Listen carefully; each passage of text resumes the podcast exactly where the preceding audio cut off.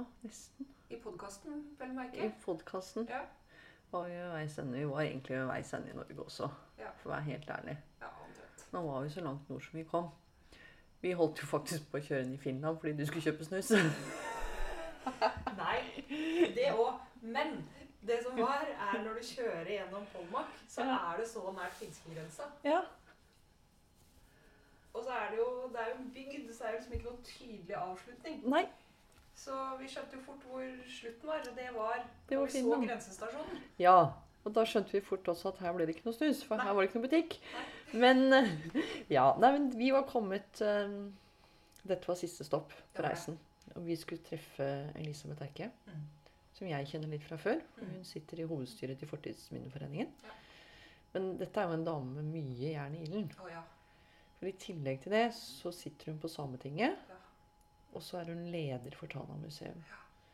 Dit vi var kommet og skulle treffet henne. Mm. Så vi fant jo til slutt tilbake til Tana museum, da. Ja, måtte snu på grensa. Ja, Og så fant vi Tana museum. og vi fant Elisabeth. Ja. Men vi setter over til bilen når vi er på vei. Vi gjør det først. Ja. Ok. Da kjører vi på museet. Nå har vi kjørt 3805 km. 3905, tenker jeg. Ja, det er nok det. 3905. Nå er vi omgitt av grønt. Jepp. Og ei elv. Ganske stor elv i Påmark. Ja. Tanaelva. Eh, her er det et museum. Grunnen til at vi er her, er jo fordi at det er meget stor tetthet av samiske kulturminner. ja. Det er jo veldig kult. Og mye av grunnen til det er jo at Polmak var en av de stedene i Finnmark som ikke ble brent under krigen. Så her er det, står det mye igjen. Der har vi Elisabeth, vet du. Oh yeah.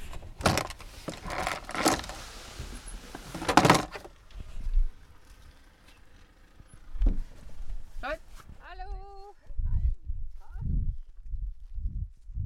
Ja, Mathilde, vi hadde da hilst på Elisabeth. Eh, og eh, her var det tett opplegg. Elisabeth hadde laget et kjempefint opplegg for oss. Ja, Eh,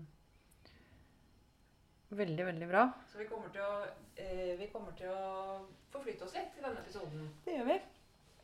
Både på museet og rundt i, Polmak, i bygda Polmak. Ikke sant? Men aller først måtte vi skifte sko. Ja. For vi måtte ha på støvler. Ja. Fordi vi skulle ned til elva. Og det var det første Elisabeth ville vise oss. Ja. Og det er klart eh, Vi snakker jo her om elvesamisk kultur. Og i den elvesamiske kulturen så er jo nødvendigvis Tanaelva helt sentral. Ja. Den er livsnerven. Og det som hun kunne fortelle oss, er jo at i Tanaelva er det altså over 30 forskjellige laksetyper. Ja, jeg i mine vitne trodde vi hadde én. Ja, jeg òg. Det hadde vi ikke. Vi hadde 30. Så, så laksefiske har jo vært en sentral del av kulturen. Ja, det har det. Og der kan man vel si både som primærnæring og som en sånn enorm turistmagnet. Som, Tilbake til 1800-tallet. ikke sant? Vi skal snakke, se nærmere på det. Ikke sant? Men det første vi da skal snakke litt om, Elisabeth, er jo hvordan de fiska. For det var ikke noe snøre. Nei. Eller det har ikke sånn, sånn fiskestang, Sånn som jeg pleier å fiske, vet du. Nei, her har de fiska med garn. Ja. Eller- Så det tror jeg, men det her, her er vi Ja, vi er ikke noen storfiskere, så jeg tror faktisk Elisabeth skal fortelle mer om hvordan man historisk og i dag sikkert har fiska i Tanaelva. Det er mye bedre det enn at vi sitter her og jobber. Yep. Yep. Men det her er eh, stengsel, et klassisk stengsel. Her er liksom bare en sånn her grov Ja, For da hadde du stolper også i elva? eh, Det i varierte. elva. Det varierte. Ja. I områder hvor det enten var veldig mye stein Mm. eller uh, mye løs sand, så brukte man det her. Uh, stengselsbukk kalles det på norsk. Og eh, orjuelgi, orjuelgi heter det på samisk. Og da hadde de elvebåten, frakta ut de her og masse stein, og satte stein oppå. Så hadde man da mange sånne her. Og, og stengte elva, altså et stykke av elva, det som de hadde fått tilmålt av lakseplass. Sånn at de kunne fange laks. Man brukte både garn og en del greiner, og det ser man jo i mange kulturer. Så det var rett og slett vekta her Ja. som holdt den nede. Mm. Ikke sant? Stengselsbukk. Flott stykke håndverk. Ja. Altså, nå har vi snakket om hvordan man fanget fisken på elva. Men det er klart at når en elv er livsnerve, så vil jo båtkultur og båtbygging Ja, for dette handler jo ikke bare om elva som et matfat, ikke sant? Dette er jo også elva som en transportetappe. og også et stengsel. mm. Eh, og det vi fikk se videre på museet, var jo at de har en samling med elvebåter. Um, og Elisabeth kom jo herfra, så hun kunne jo fortelle om hvordan skoleveien hennes var å bli frakta, frakta over Tanaelva med, med en elvebåt. Hvor det satt liksom opptil 20 unger da, Ja. i disse båtene. Og dette er på en måte veldig sånn billedlig og fin ting å se for det indre øyet. Samtidig så har det en dyster undertone, egentlig, som hun kommer inn på. Og det er hvordan de la skolen utafor bygda.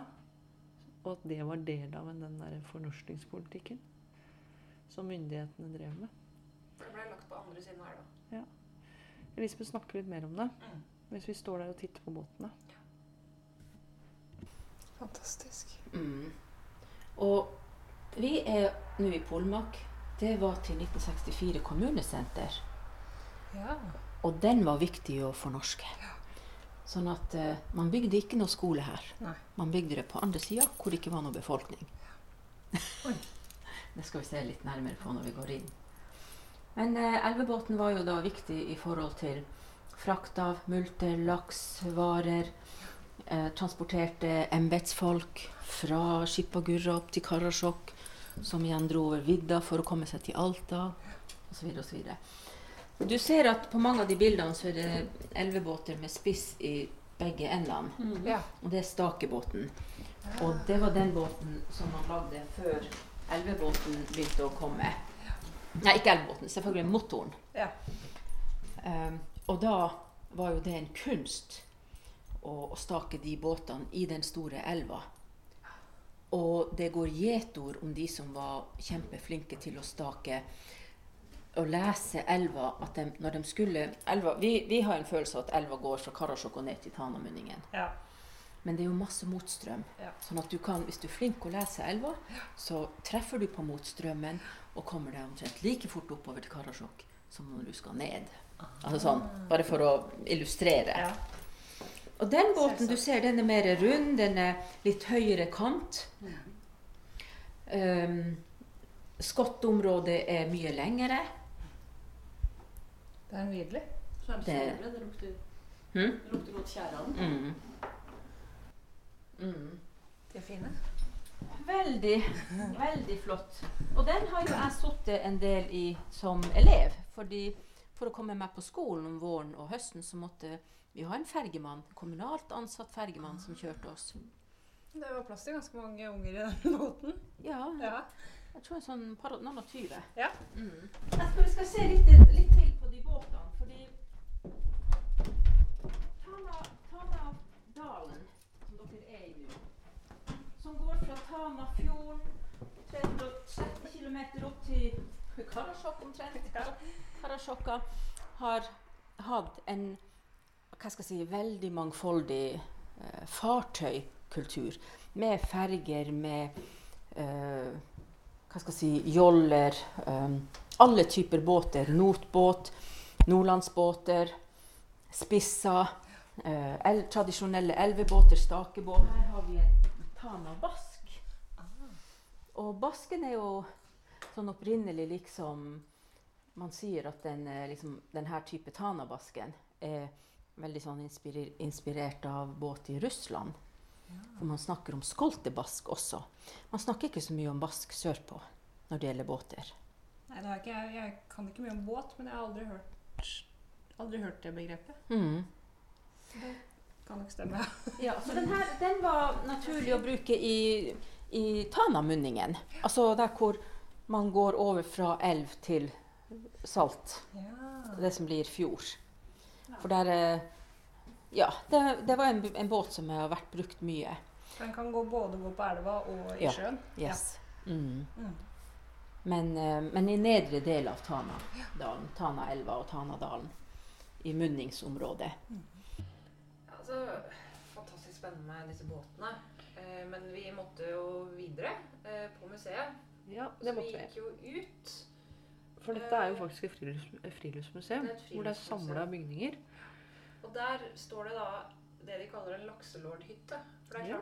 det er jo ikke bare de som har bodd i Pomak, som har ønsket å benytte seg av laksefiske i elva. Nei, det var ikke bare samene som fiska. Det kom jo en haug med, med engelske overklassemenn også. Ja. Eh, det har vært en veldig lang reise.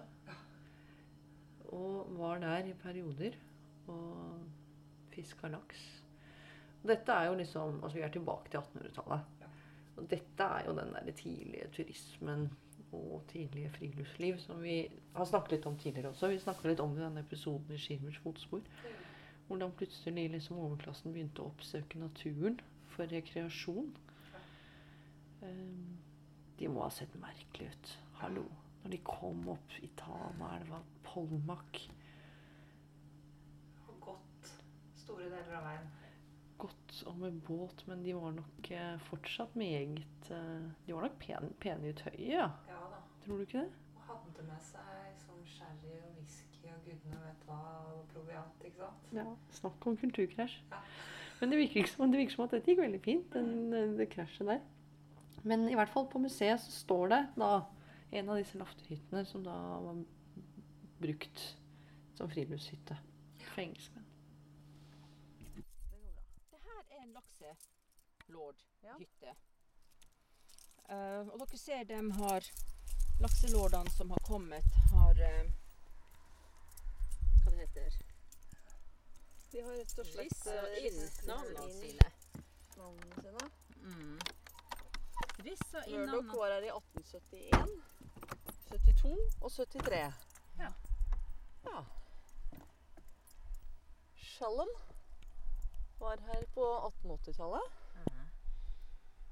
Og William Chingay han var i 1962. Ja, her er en 76. Ja. Hva som står der? 1803. Nei, står det 1903? Skal det stå. Vanskelig litt første tallet. Det blir vanskelig å se. Det Ja, det er også inskripsjoner på andre sida og sånn mange andre steder på huset, men jeg tror ikke vi skal Jeg tror ikke vi trenger å se alle. Men her er i hvert fall laksefiskehytta, og den Sånn som det var veldig mange steder Man lagde en laftebygning, plassert, plasserte den et sted. Og den her har opprinnelig blitt bygd og satt opp overfor Sirma. Og så har den blitt solgt på et eller annet tidspunkt. Eh, men pga. inskripsjonene så man var, veld, var man veldig opptatt av å få tatt vare på akkurat denne hytta, og ville ha den til museet. Så, så den kom hit på denne plassen bare pga. at eh, det skulle være et museum. Mm. Og så har man rissa inn han, altså, kjever på hann- og holaks. Dette er en hannlakskjeve. ja. Mm. Og her skal vi se, også er det noen inskripsjoner på holaks og hele laks. Eller, ja. ja. Se her, ja. Mm. Men det her kjenner jo dere igjen, fagfolk. Ja, Når man skal ta ned og sette opp igjen. Som er Ja. ja. Ja, Som er merket. Da har man merka det på den måten her i bygget. Sant? Det er jo litt forskjellig fra bygg til bygg hvordan de har gjort det. De var litt kort. Man var kortere før i tida. Ja, det var man. Man Man satt kanskje mer. Ja, det kan jo være. tror. Ja. Men det var nok senger i alle slags lengder og størrelser. Det var det. Og den her er jo da fra ca. 1840-50. Den her, egentlig alle de her husene er fra ca. sånn midt på 1800. Se den flotte ovnen. da. Ja, den er flott. Mm. Det er veldig flott. Det er flott hytte. Ja eh, Ikke så verst. Men de er, eh, det er mulig, Jeg vet ikke om de er tilfeldige, men i forhold til det jeg liksom er vant til å ha fra Østlandet, der er det mye breiere stokker. Og det er vel kanskje rett og slett fordi Mm. at de ikke ble så breie her, fordi det er kaldere. For dette er liksom veldig Den typisk her. Ja. Den størrelsen der. Den typiske. det her har vi én bred. Det er mer sånn du finner overalt. Mm. På Østlandet at det er i den dimensjonen her, mens her er det mye, mye mindre. Mm. Jeg gleder meg veldig til å ta dere bort til det første huset vi skal i. For Ja. den, den er så karakteristisk eh, av forskjellige årsaker. Det får vi snakke om kommer. Men i alle fall Så her, ja. Pottinger er også en britisk eventyrer som kom til Finnmark på 1800-tallet. Reiste på vidda og bl.a. kom til Tana. Han skrev faktisk 100 sider i sin bok om, om det å ferdes her i Tana, Polmak og på Tanaelva. Men hvordan Altså, disse kom fra England. Hvordan kom de Kom de med båt til Mm, Mest sannsynlig det, ja. Ja, Som de kjørte Nei, helt den, opp den til- fløy. der. Ja. Kom Altafjorden Han kom Altafjorden sommeren 1857. Han har brukt 24 dager i båt fra Hull Mm. og skulle fortsette reisen til fots over fjellet til Karasjok. Ja, den lakselorthytta var veldig spennende. Det var det. Der er det spor. Ja. Vi var jo for så vidt ikke ferdig med spennende ting. Nei, nei, nei. nei. For Elisabeth dro oss videre, hun. Ja. Neste stopp, det var en bjørn. En bjørn i det som da var et stall og et vaskehus. I Ja. samme kombinasjon. Og den bjørnen sto så innmari rett innafor døra, så hun ble liksom altså, skvakk litt til. Ja. Og jeg kom over dørstokken, og så står det en svær bjørn på høyre side. Utstoppet, vil du merke. Ja, Ja. det er sant. Så vi, eh, vi Elisabeth ville jo veldig gjerne vise oss denne bjørnen, men også fortelle litt mer om dette huset, som hadde en litt spennende kombinasjon av bruksområde. Definitivt. Må ikke gå inn. Se på den, da. Og så står det en svær bjørn her, da. Ja, det var Ja, det er den jeg måtte vise. Fordi her i, i dalen, Polmakdalen Nå er dere i Polmak, og så er det en nydelig dal. Og Polmakelva som Ja. er 6-7 km. Oppi der har- Jeg er vokst opp med at det er bjørn til stede i området. Den her er skutt i Luftjokkdalen, eh, 30, altså i kommunen her. I en annen dal som for Tana, Tana, Tanadalen har mange sidedaler. Og Luftjokkdalen er en av dem. Så den er skutt der. Altså, å være så nær en bjørn Jeg blir nesten litt sånn at gjør litt Fordi at den er så kompakt. Du ser at den er sterk. Ja, du ser at den er sterk, liksom. Du har ikke lyst til å møte på den der, altså. Bare, for den er, den er like høy som meg. Litt større enn da. Ja, Ja. men det hodet er jo Mm. tre ganger hodet mitt, liksom.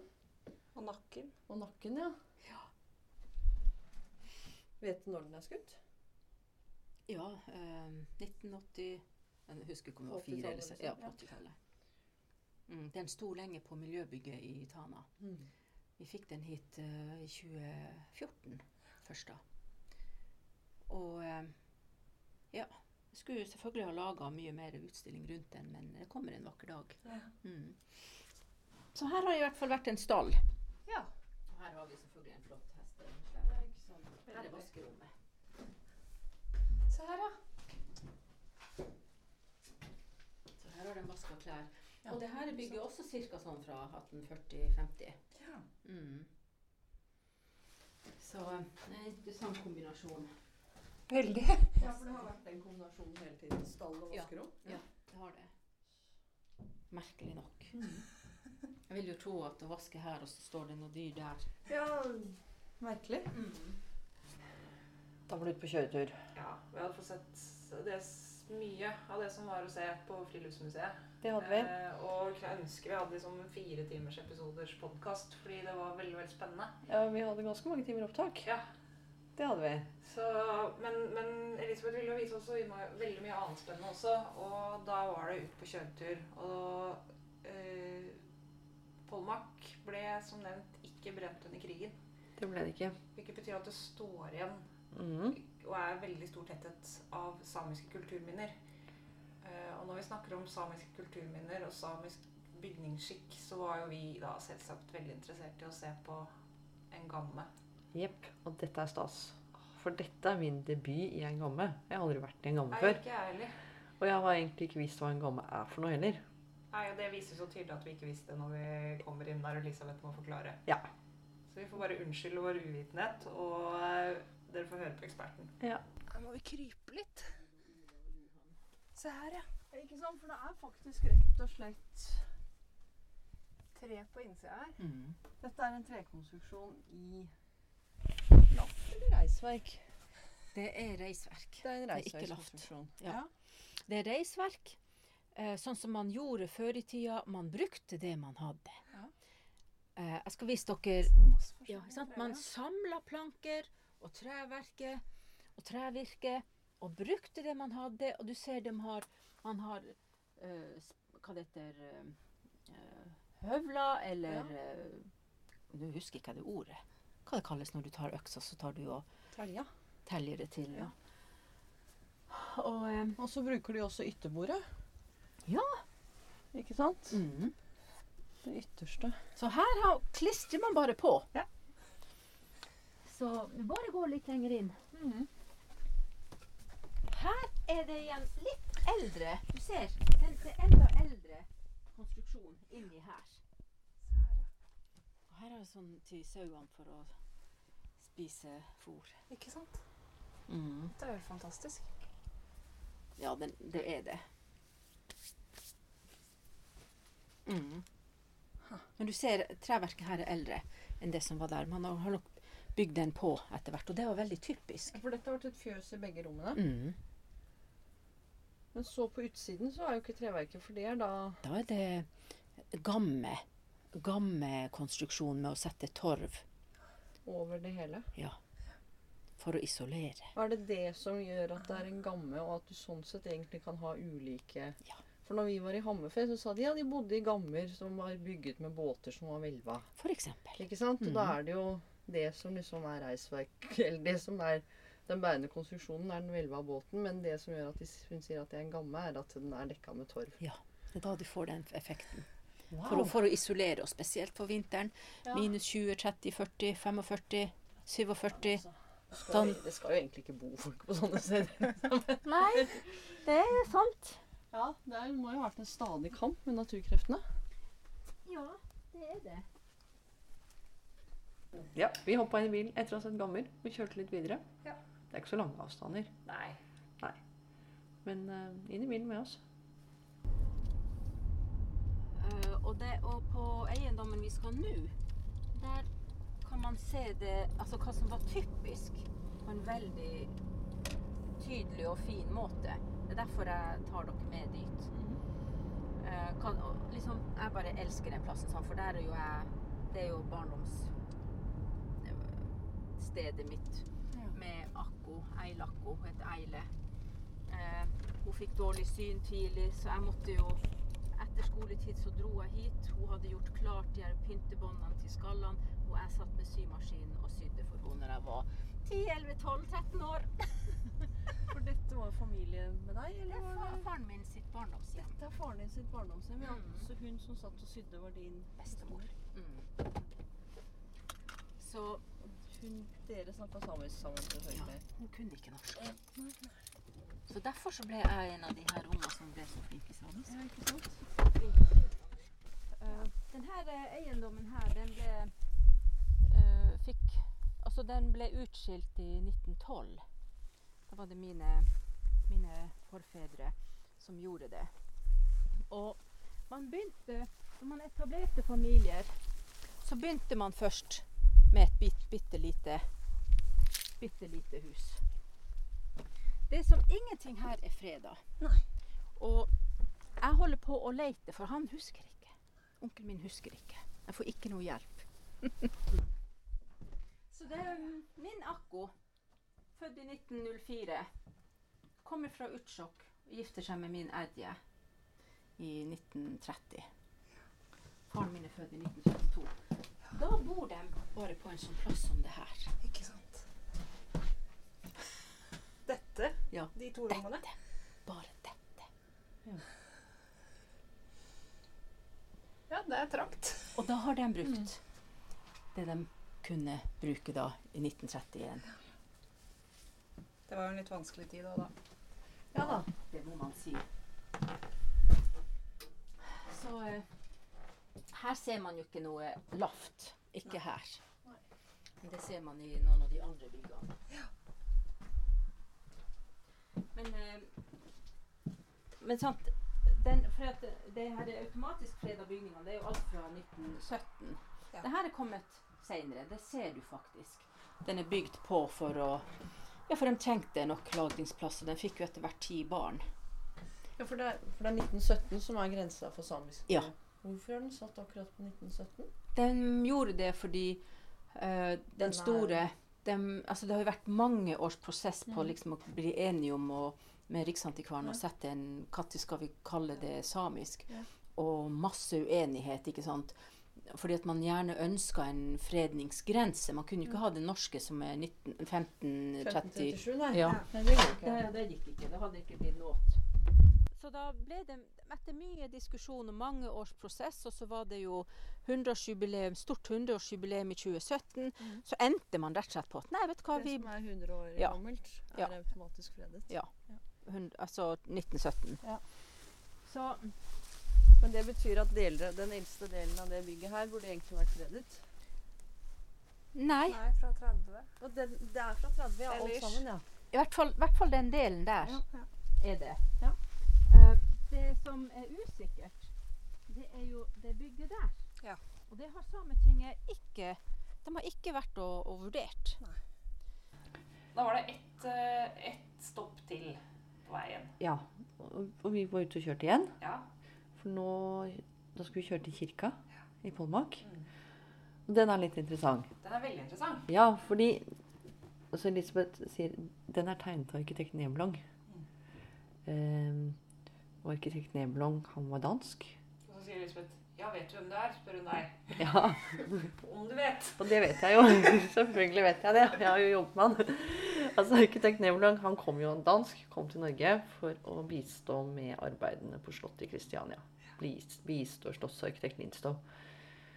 Um, for det var ikke veldig mange som kunne arkitektur i Norge på den tiden. Faktisk egentlig ingen. Uh, eller kanskje det var åtte. sånn. Ja. Så det ble hentet opp, bisto slottsarbeidene, og ble også lærer på tegneskolen i Kristiania. Og den har vi hørt litt om før. Ja, jeg har jo skrevet litt om den. Ehm, og ikke sant, det var på den tida som jeg sa, altså, det var få arkitekter. Norge var langt, avstandene var lange. Eh, økning i befolkningstallet.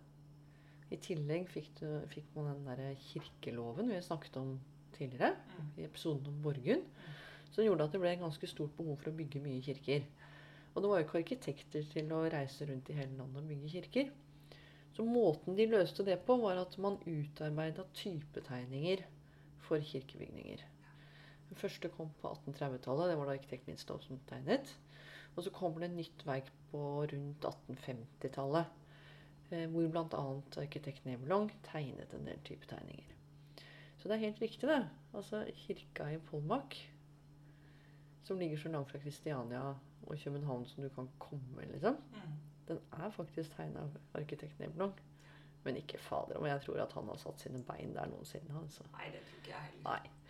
Så, men det er veldig morsomt og veldig sånn Det blir så, så fremmed å se en sånn type arkitektur i en bygd som til dels har vokst og grodd som fram, ikke sant? Så kommer dette her som er egentlig en sånn derre herremannarkitektur. Jeg vet ikke hva vi skal kalle det.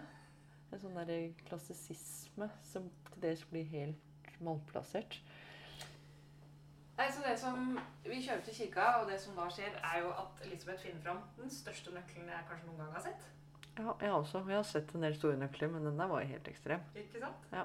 Og låser oss inn, og vi går inn og får se hvordan det ser ut inni den utrolig vakre kirken. Absolutt. Ja, her var det fint.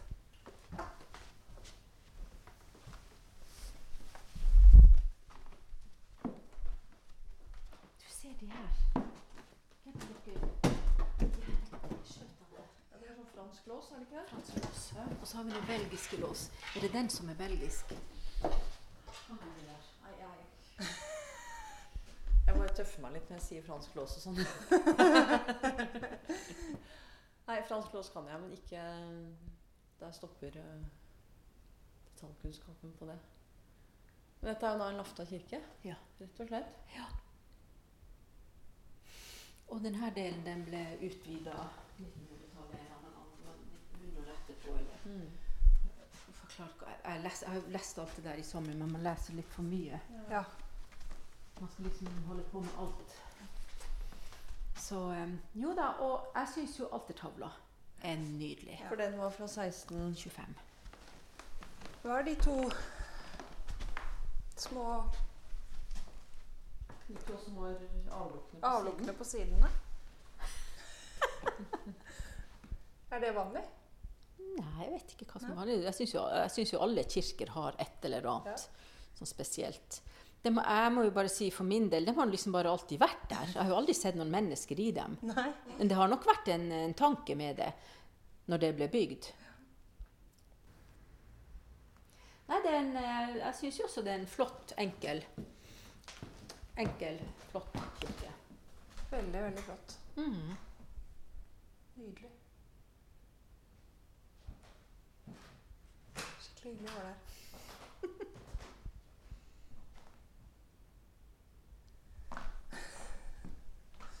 Utrolig fin. Jeg syns òg det. Mhm. Men sant, jeg er jo ikke, sub, jeg er jo ikke objektiv i denne bygda. Jeg syns jo alt er så vakkert og spesielt. Og, Mhm. og derfor jeg elsker museumsjobben. Det er jo bare Ja. Føler meg så privilegert som får lov å jobbe med vår egen historie. Da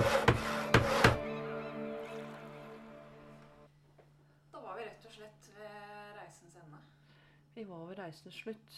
Og podkastens siste episode. Nei, det var ikke siste episode.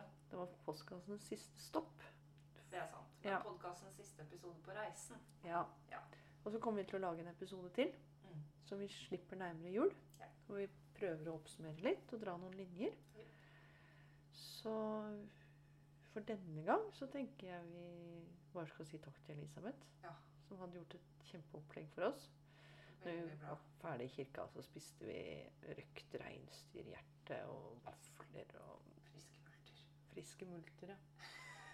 Så, så siste stopp, ikke siste episode. Følg med. Ja. En til. Takk, Elisabeth. Om hus og folk er et samarbeid mellom Fortidsminneforeningen og Bygg og Bar. Jeg heter Anette Ramstad. Og jeg heter Mathilde Sprovin. Følg neste episode der vi drar videre i Norges land på jakt etter spennende hus og folk. Dette var siste stopp. Det var det.